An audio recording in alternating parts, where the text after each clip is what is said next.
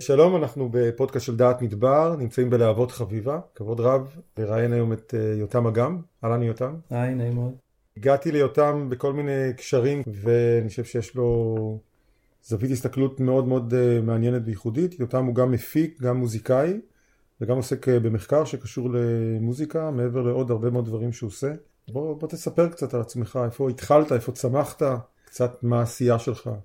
אז שמי יותם, ואני לא נולדתי אבל גדלתי את אה, רוב ילדותי עד גיל 14 בצפון סיני, במושב שנקרא מושב שדות ליד אה, העיר אל-עריש בדיונות, ובמהלך חיי המוקדמים כאיש בוגר מצאתי את עצמי מרותק לעניין של אה, הקלטות, של תרבות ושל סאונד, ולאט לאט הפכתי לאיש סאונד, התחלתי לעבוד בהפקות והתחלתי ליצור בדרך שלי מוזיקה מהקלטות שאני עושה המון בשטח.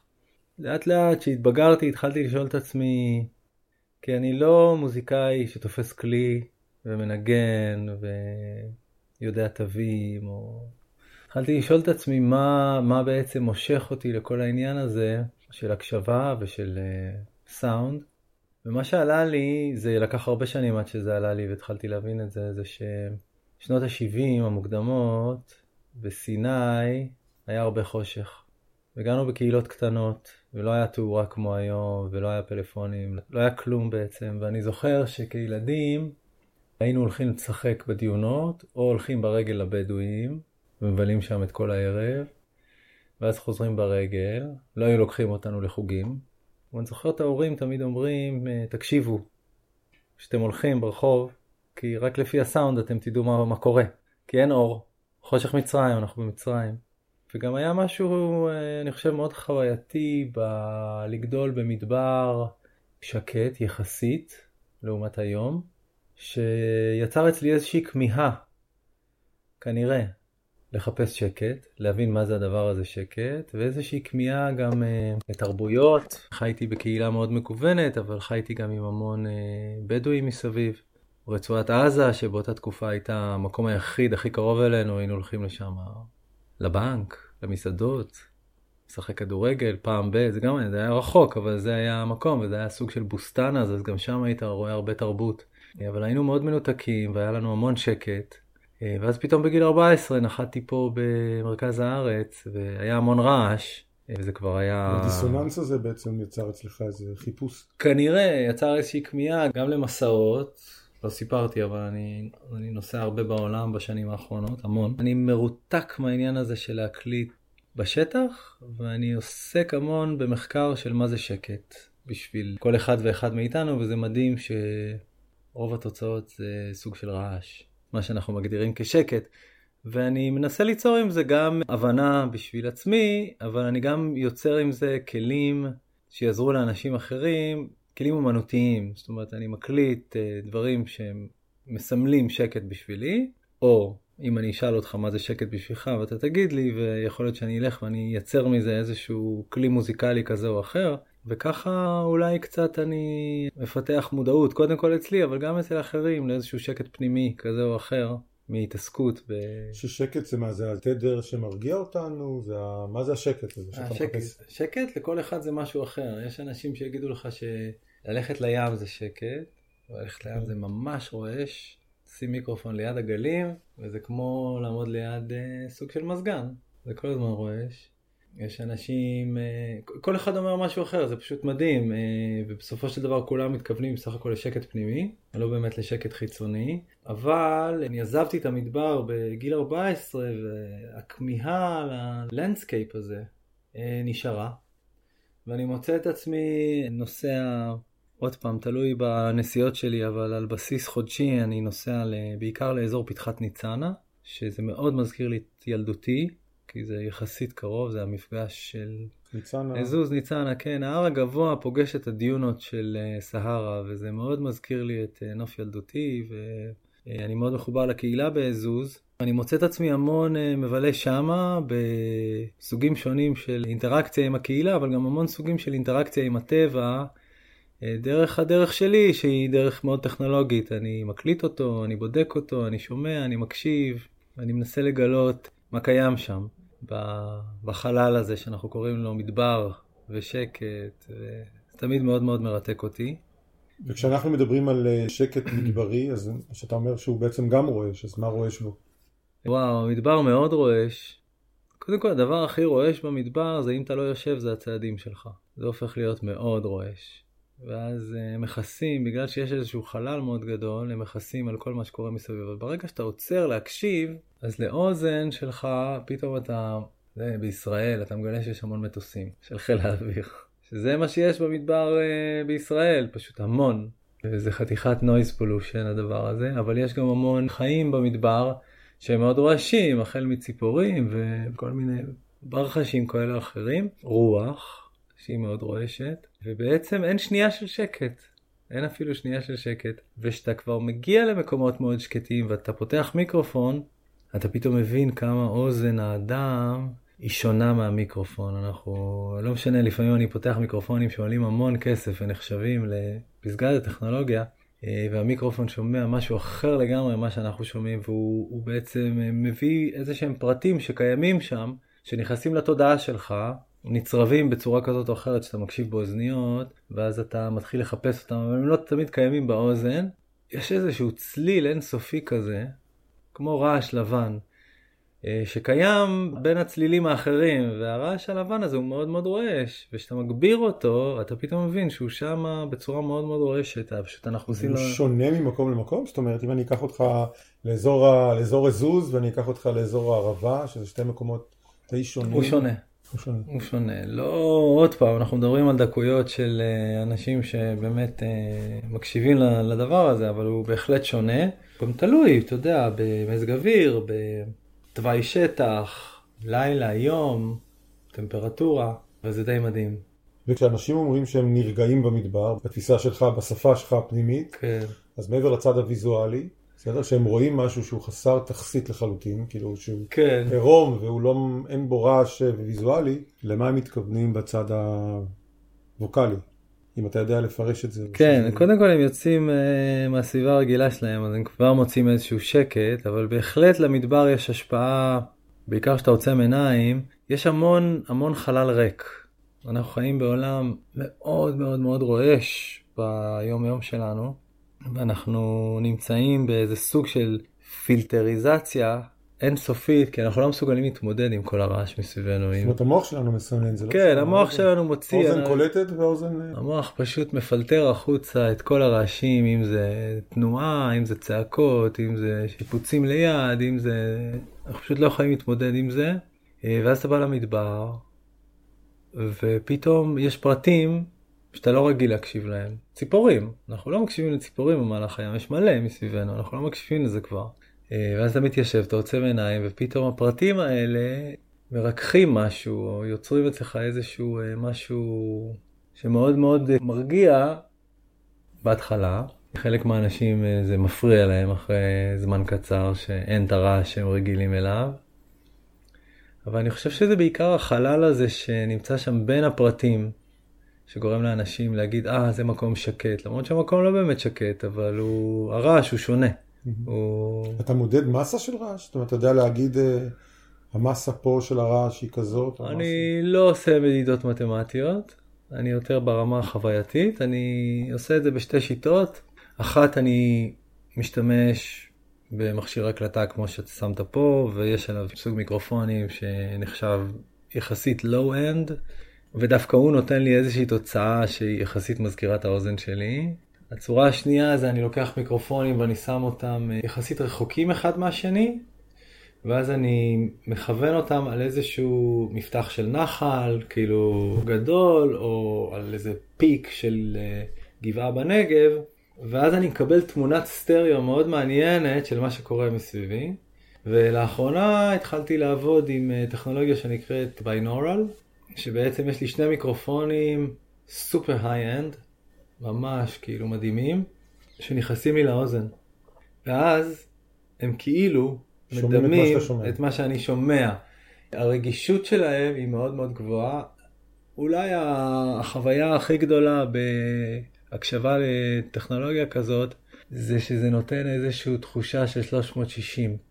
ובמדבר, כשאתה מקליט ככה, אז על מה אתה מדבר? אתה מדבר הרבה על זבובים, אתה מדבר הרבה על רוח, ציפורים שעוברות אותך מעט, אבל עוברות נגיד, אבל יש לזה איזושהי תחושה מעניינת מאוד ולא גימיקית. כי יש הרבה גימיקים בעניין הזה של אה, הקשבה ל-360, בעיקר היום כל מיני גימיקים שעושים טכנולוגית, יוצרים איזשהו משהו שהוא כאילו וואו, אבל הוא לא ממש אמיתי, ודווקא בזה יש משהו נורא נורא אמיתי שאנחנו לא רגילים לשמוע, כי אנחנו התרגלנו לשמוע משני רמקולים שמול הפרצוף שלנו, או הנוער היום שומע ברמקול אחד קטן של טלפון, שזה נורא, אז תרבות ההקשבה היא שונה לגמרי מההקשבה האמיתית שלנו. ודווקא במדבר פתאום נהיה איזה חלל שכזה, וואו. זאת אומרת, למעשה הגירויים שלנו הם, הם כל כך שונים מהסביבה הרגילה שאנחנו מכירים אותה. כן. המדבר שונה מיער. זאת אומרת, אם אני אשים אותך באמצע, יודע, כן. באיזה יער גדול ו... כן, יער הוא מאוד רועש, בלתי נסבל. כי יש המון חיים שם, המון המון המון חיים, אז זה מאוד מאוד מאוד רואה שאתה מנסה להגביר את זה. ואז מה אתה עושה עם זה? מה אתה עושה עם אותם דגימות? עם אותם אה, סאמפלים בעצם? אז קודם כל אני אה, מעצב, לא הזכרתי את זה, אבל אני מתרגל יוגה ואני מלמד יוגה, ובמהלך השנים התחלתי לשלב את האהבה שלי לתרגול ולהתפתחות האישית שלי ואת האהבה שלי למוזיקה. תרגול היוגה, בלי להיכנס לעומק לעניין הזה, ניתנו לנו כלים כאלה או אחרים על מנת שנוכל ליצור תרגול של שעה, שעה וחצי, ובו נוכל להשקיט את התודעה בצורה כזאת או אחרת. והכלים שניתנו לנו הם כלים מאוד מאוד פשוטים של עבודה, כמו נשימה, כמו ספירה, כמו נקודות פוקוס עם העיניים, פשוט כלים שעוזרים לנו לפקס את התודעה שלנו לזה שאנחנו על המזרון ומתרגלים במקום לחשוב על מה היה אתמול ומה יהיה מחר וכל הדברים האלה. אבל זה easier said than done, הדברים האלה, אה, מכיוון שאנחנו נכשלים, כולנו נכשלים ב-95% מהזמן שלנו, אנחנו כן מתעסקים בעבר ובעתיד. ואני התחלתי לחשוב, אוקיי, אני, איך אני, עם הכלים שיש לי, אולי מייצר עוד מימד בתרגול שיעזור לי, קודם כל, ובהמשך למתרגלים, למצוא איזשהו שקט. ואז התחלתי לאט לאט לייצר כל מיני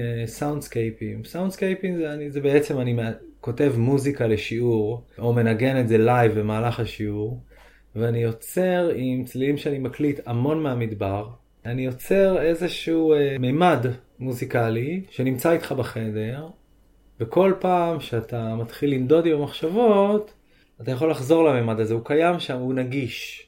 הוא מאוד נגיש, הרבה יותר נגיש מנקודות פוקוס בעיניים, או דברים שהם קצת יותר אה, מורכבים. וזה עוזר לך להזכיר לך, קודם כל, למצוא את השקט הפנימי שלך. זה גם קצת מכסה על הרעשים מסביב, כי אנחנו כולנו מתרגלים הרבה מאוד במקומות רועשים, אנחנו לא נהנים מתרגול על דק במדבר. אה, וככה התחלתי לייצר עם זה, זה, זה דבר אחד שאני עושה עם הצלילים האלה שאני מקליט. הדבר השני שאני עושה עם זה, שזה כבר הרבה יותר טכנולוגי, אני מייצר עם זה אה, סינתסייזרים. מה זה אומר? זה אומר שאני לוקח דגימות כאלה או אחרות, מעביר אותם איזושהי מניפולציה של סאונד, עיצוב סאונד, ופורס אותם על מקלדות. למי שמכיר את זה, למי שזה נשמע עכשיו כמו, אה, אני לא המצאתי את זה, זה איזשהו אה, כן, תחום, של... תחום שקיים אה, משנות ה-70. אני בסך הכל משתמש בפלטפורמה.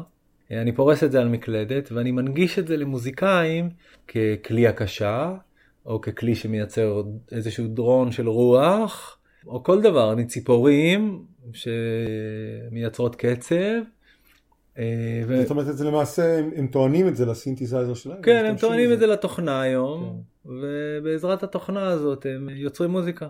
אז למעשה, כשאנחנו חושבים על זה בממד הרחב, אתה בעצם איפשהו מנגיש ידע מוזיקלי מדברי לאנשים שלא חיים באזורים מדבריים במובן מסוים. כן. זאת אומרת, זה פיסה, פיסת מדבר מסומפלת. אה, לגמרי. שעברה איזה סוג של עיבוד, אבל היא בסופו של דבר מוצאת את עצמה לתוך אה, יצירה מוזיקלית, או מישהו שמנגן, או לאיזו הופעה, בדרך, בדלת אחורית, בלי שאנשים בעצם אה, מודעים לזה. כן, לא, לפעמים אני אומר שאני משתמש בצלילים ממקומות שקטים או מהמדבר בישראל, עשיתי פרויקט מאוד גדול במדבר בטנזניה, עשיתי, אני עובד, הודו זה פחות מדבר, אבל אני פחות ברג'סטן, אז... וסיפרת לי עוד בשיחה המקדימה שאתה בעצם בונה ספרייה כזאת. כן, אז אני מעצב ספריות, מה... כן. אני הרבה שנים מעצב ספריות סאונד לחברות התוכנה המובילות בעולם, והשם שלי שהולך לפניי, לטוב ולרע, זה שאני יותם עושה דברים נישה, ויותם עושה דברים מאוד אקוסטיים וקצת אקספרימנטליים. זאת אומרת, אני לא straightforward עכשיו עושה איזושהי מכונת תופים, או Fender Rhodes, או דברים שהם נהדרים, ואני אוהב אותם מאוד, אבל אני לא עושה את זה. אז אני מעצב ספריות שזה כל מיני חבילות של סאונדים אם זה צעדים מהמדבר, okay. אוקיי. בוא נראה אם זה מכונת תופים, אם זה כל מיני דברים כאלה. הבנתי, זאת אומרת אתה בעצם לוקח את זה, עושה, שוב, עושה איזה סוג של אה, מניפולציה, שהתוצאה שלה זה ספרייה של צלילים, קולות. כן, כן. אה, לפעמים אני משאיר את זה כמו שזה, אני פשוט חותך את זה בצורה כזאת שזה יהיה נגיש למוזיקאי, חומר גלם למוזיקאי, פחות אה, מוצר סופי עכשיו לספוטיפיי. כן. אתה רואה במוזיקה גם כלי מרפא? בהקשר הזה של תרגול, ממ. כי אתה מדבר על יוגה ואתה מדבר על כן. סוג של מיינדפולנס אולי בהקשרים מסוימים. כן, אני פחות שם את זה ב... אני לקח לי המון שנים להתקלף, יש לי בצל עם הרבה מאוד אה, קליפות, אני מתקלף לאט. אה, אני פחות אה, שם את זה בתבנית כי אני לא, לא מבין בזה מספיק. אני פשוט לא מבין בזה מספיק, בטח לא בתחום הזה שקוראים לו מיינדפולנס, אבל אני בהחלט משתמש תראה, מוזיקה זה משהו שפונה לרגש, באופן מיידי. זאת אומרת, הוא מחבר אותנו לרגע הזה, כי אנחנו מקשיבים, אנחנו בסוג של הקשבה, ובכל התרגולי יוגה, טאי צ'י, כל תרגול שתבחר, זה בבסיסו תרגול של הקשבה. מעבר להכל, אם נשים רגע את כל התנוחות uh, בצד, תרגילים להקשיב לעצמנו, לאחרים. ואני בהחלט רואה בדברים שאני מנסה לעשות כאיזשהו אה, משהו שהוא מרפא, כן. אה, באותו רגע הוא מרפא.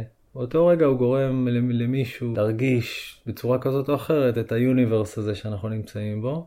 כן, אני עובד הרבה עם תדרים קוסמיים. עוד פעם, אני פחות אוהב את השם הזה כי הוא קצת רוחני מדי בשבילי, אבל אה, זה איזושהי תורה של האנס קוסטו, אתה יודע מי זה האנס קוסטו? לא. האנס קוסטו, מדען אוסטרי שעלה על זה כבר לפני 20 שנה, הוא עדיין חי, הוא עדיין מעביר סדנאות, איש מבוגר. אה, והוא מדד את אה, תנועת הכוכבים סביב השמש. ייצר איזושהי נוסחה מתמטית שבה הוא מביא את זה לתדרים של שמיעה.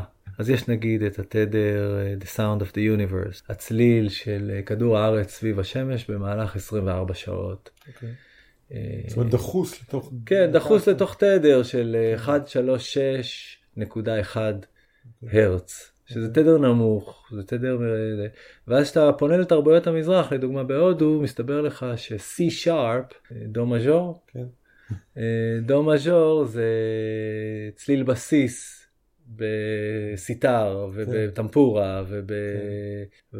וכשמדברים על זה הם קוראים לזה אה זה, זה צליל הבסיס this is the arm sound ומסתבר לך שיש המון מקביליות בתרבויות אה, חלק הן מתמטיות, חלק הן רגשיות, אבל יש המון מקבילית לעניין הזה.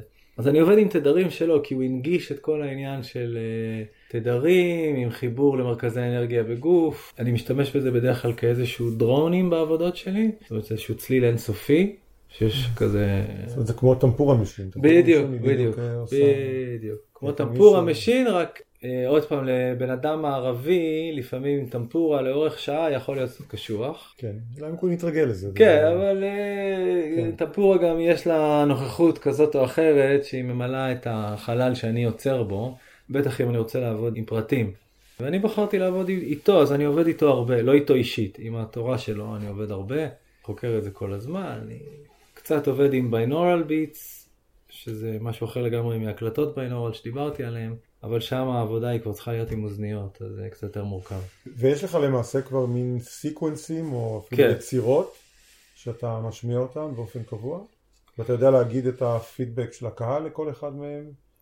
כן, אז כמו מוזיקה היא כמו מוזיקה, לכל אחד יש דעה, כולם מאוד שיפוטיים, כי ככה אנחנו עם מוזיקה, אנחנו מיד שופטים את זה, זה אוהב לא אוהב. אין באמצע, אבל יש לי טמפליטים בהחלט. אני מנגן את הכל live גם כמורה, זאת אומרת אני לא בא ולוחץ איזשהו track. אוקיי. אוקיי. אה, מהסיבה הפשוטה שאני בונה סצנות בתוכנה, והסצנות האלה הן אינסופיות. זאת אומרת אני מרגיש מה קורה בסדנה שלי, בשיעור שלי, ואם אני מוכן אני עובר הלאה. זאת אומרת, אתה עושה ג'אז אימפור כזה. כן, ואם אני לא מוכן אני נשאר באותה סצנה שהיא תהפוך למנטרה של אפילו 40 דקות לפעמים, אבל אני מרגיש שהחדר שה... לא מוכן לעבור הלאה, אולי הוא גם לא יהיה מוכן בסדנה. וזה בסדר, וזה מדהים איך אנשים, על זה הם לא מדברים אף פעם, לפעמים אני נשאר עם אותו צליל שעה וחצי, ודווקא זה לא הפריע להם. כן, זה כאילו היה להם כן, הבסיס. כן, מבחינתם אה, ניגנתי חמש דקות. ושאלה שמעניינת אותי בהקשר הגיאוגרפי, שאתה אוסף סיקוונסים כאלה, הם מתחברים לך לאזורים גיאוגרפיים? זאת אומרת, אתה מקליט בנגב, אז אתה מערב את זה עם הקלטה מ... כן, אני mix and match הרבה, אני בן אדם ש... גם הסרטים שעשיתי על קהילות... אה, פסיפס. זה סוג של פסיפס, כן, שבו אני נהנה משני העולמות, אני נהנה ממה שאני רואה, שומע, איך שמצאתי אותו, בצורה הכי טבעית שלו, אבל אני גם נהנה ממה שהעולם הטכנולוגי מאפשר לי כאדם יצירתי. זאת אומרת לעשות מניפולציה כלשהי. כן, לא תמיד. לא תמיד. אני, אחד הדברים שתמיד עומדים מול הפנים שלי ביצירה, בכל יצירה שאני אעשה במוזיקה, זה להישאר אמיתי למה שקרה או מה ששמעתי. זאת אומרת, זה, זה המקור, זה המרכז של היצירה. עכשיו, נכון אני עושה הרבה מניפולציה, נכון אני מנסה לגרור אותך או את המאזין לתוך חוויה שמאוד קשה לחוות אותה, שאתה לא בלילה בעזוז תחת הכוכבים, אלא אתה בסלון במזגן. קשה לחוות את אותה חוויה שאני עברתי, אז אני מוסיף לזה דברים. אני חושב שהם ייקחו אותך קצת יותר קרוב לתוך החוויה, והם לא בהכרח דברים שהיו שם. שהם יעשו איזו אמפליפיקציה. או אמפליפיקציה, או יערסלו אותך בצורה כזאת או אחרת, שאני אתן לך תחושה שאתה כן, אה, לא יודע אם שם במדבר, אבל... אה, כן, זה בדיוק הצד האומנותי שלך, כן, זה האינטרפטציה שלך. זה האינטרפטציה שלי בדיוק. כשאתה מדבר על הספרייה הזאת, אתה חושב על הנגשה שלה גם? זאת אומרת, על היכולת לקחת ספרייה כזאת ולייצר מקום שבו אנשים באים, והם אה, לוחצים על איזה כפתור בתוך איזה חלל כזה, והם שומעים את השקט, השקט לא שקט. אבל זה בעצם מחבר אותם ל... כן, אני, היה לי הרבה פעמים ניסיונות לייצר אה, סוג של תערוכה, סוג של exhibition, שבו אנשים יכולים לעשות אינטראקציה בעצם עם הקשבה. הרבה מדבר, כי המדבר לא נגיש לרוב העולם. רוב העולם רוב התושבים לא כן. גר במדבר. לא גר וגם לא, לא באמת, אה, זה לא באמת נגיש לו. ואני מאוד מאוד הייתי רוצה לעשות ולהנגיש את זה. אני כן מדי פעם מוציא קבוצות אני מוציא קבוצות של אנשים שבאים לתרגל יוגה ואנחנו עושים המון הקשבה, אבל לאחרונה התחלתי לעבוד עם קבוצות של אנשים שבתחילת דרכם שהם אה, אנשי סאונד, ואני לוקח אותם למדבר עם כל מיני מכשירי הקלטה וזה, וגורם להם אה, להקשיב על אמת, פחות להתעסק בתוכנה ובמיקרופון, בוא שנייה בוא נקשיב רגע, בוא נראה מה קורה, בוא נרשום, מה אתם שומעים, תראו, תראו איזה רשימות אתם מוציאים פה. אה, זה די מדהים, אז אני לוקח קבוצות כאלה ויושבים יומיים, שלושה, איפשהו ומקשיבים, מקליטים קצת שקט וכל מיני דברים כאלה. זה סוג של הנגשה, כן. מעבר לזה, את הספריות שלי אני מוכר דרך אה, חברות תוכנה. הם לא כולם על שקט, אבל הם בכל אה, העולם נמצאות. אני רק מתחיל ללמוד להקשיב עכשיו בצורה מודעת. אני חושב שזה משהו שהוא נדיר היום, יש לי שלוש בנות, קשה מאוד להושיב אותן להקשיב. אני מעריך שהרבה אנשים יכולים להזדהות עם התחושה שלי. גם אנחנו, כבני אדם בוגרים, אה, מקשיבים מעט מאוד. והחוויה שלי במפגש עם המדבר, שהוא יוצר אה, פלטפורמה להקשבה. בחוויה שלי, המפגשים שלי, קבועים יחסית, אני אקרא לזה כמו התרגול. כמו שאני מגיע למזרון, אני מגיע גם למדבר. ואני מגיע מתוך uh, צורך uh, לתרגל הקשבה. ואני יושב ואני לומד להקשיב ואני מקשיב לפרטים והפרטים האלה יוצרים לי איזושהי בהירות על מה קיים מסביבי. ואז אני לוקח את הכלי הזה ומביא אותו בחזרה לחיים היותר עסוקים שלי והיותר הרבה הרבה יותר רועשים שלי במרכז הארץ. Uh, ואני לאט לאט לומד להיות בהקשבה מודעת יותר זמן מהרגיל. והדבר הכי יפה שזה יוצר זה שאני מקשיב לעצמי, שלא הייתי מקשיב לעצמי הרבה פעמים, אולי זה גם הגיל, אבל אה, זה גם התרגיל, אה, ואני מקשיב לאחרים יותר מהרגיל, הרבה יותר מהרגיל היום, זאת אומרת, עדיין אה, יש לי המון מה ללמוד בתחום הזה, ואני חושב שרק בדרך הזאת יכולים להפוך את הקהילה שלנו, את הסנגה שלנו, לקהילה יותר טובה, רק בזכות הקשבה, כי כל השאר זה רק פועל יוצא של היכולת שלנו להקשיב. הייתי מאוד רוצה ללמד את זה בבית ספר למען האמת, פעם, פעם לפני המון זמן ניסיתי לעניין בשדה בוקר. בית ספר חינוך סביבתי. כן, ניסיתי לעניין אותם בקורס כזה. הייתי מאוד צעיר אז וזה לא, זה היה לא בשל. כבר אז מצאתי את עצמי הולך בלילות במצפה רמון ומקליט, ובא עם כל מיני רעיונות ביזאריים. שיגעתי אותם, זה לא התקבל, אבל אה, אתה יודע מה, אולי בעקבות השיחה הזאת אני אנגיש איזה סדרת מפגשים, ואולי אני אציע את זה שוב לשדה בוקר, נראה מה יקרה 30 שנה אחרי. המון המון תודה. תודה רבה. נעים להכיר. אז אה, להזכיר לכם, כל התוכניות שלנו נמצאות באתר מדבר אור, גם ספוטיפיי, גם אייטיונס, תמשיכו לעקוב אחרינו. תודה יותם. תודה.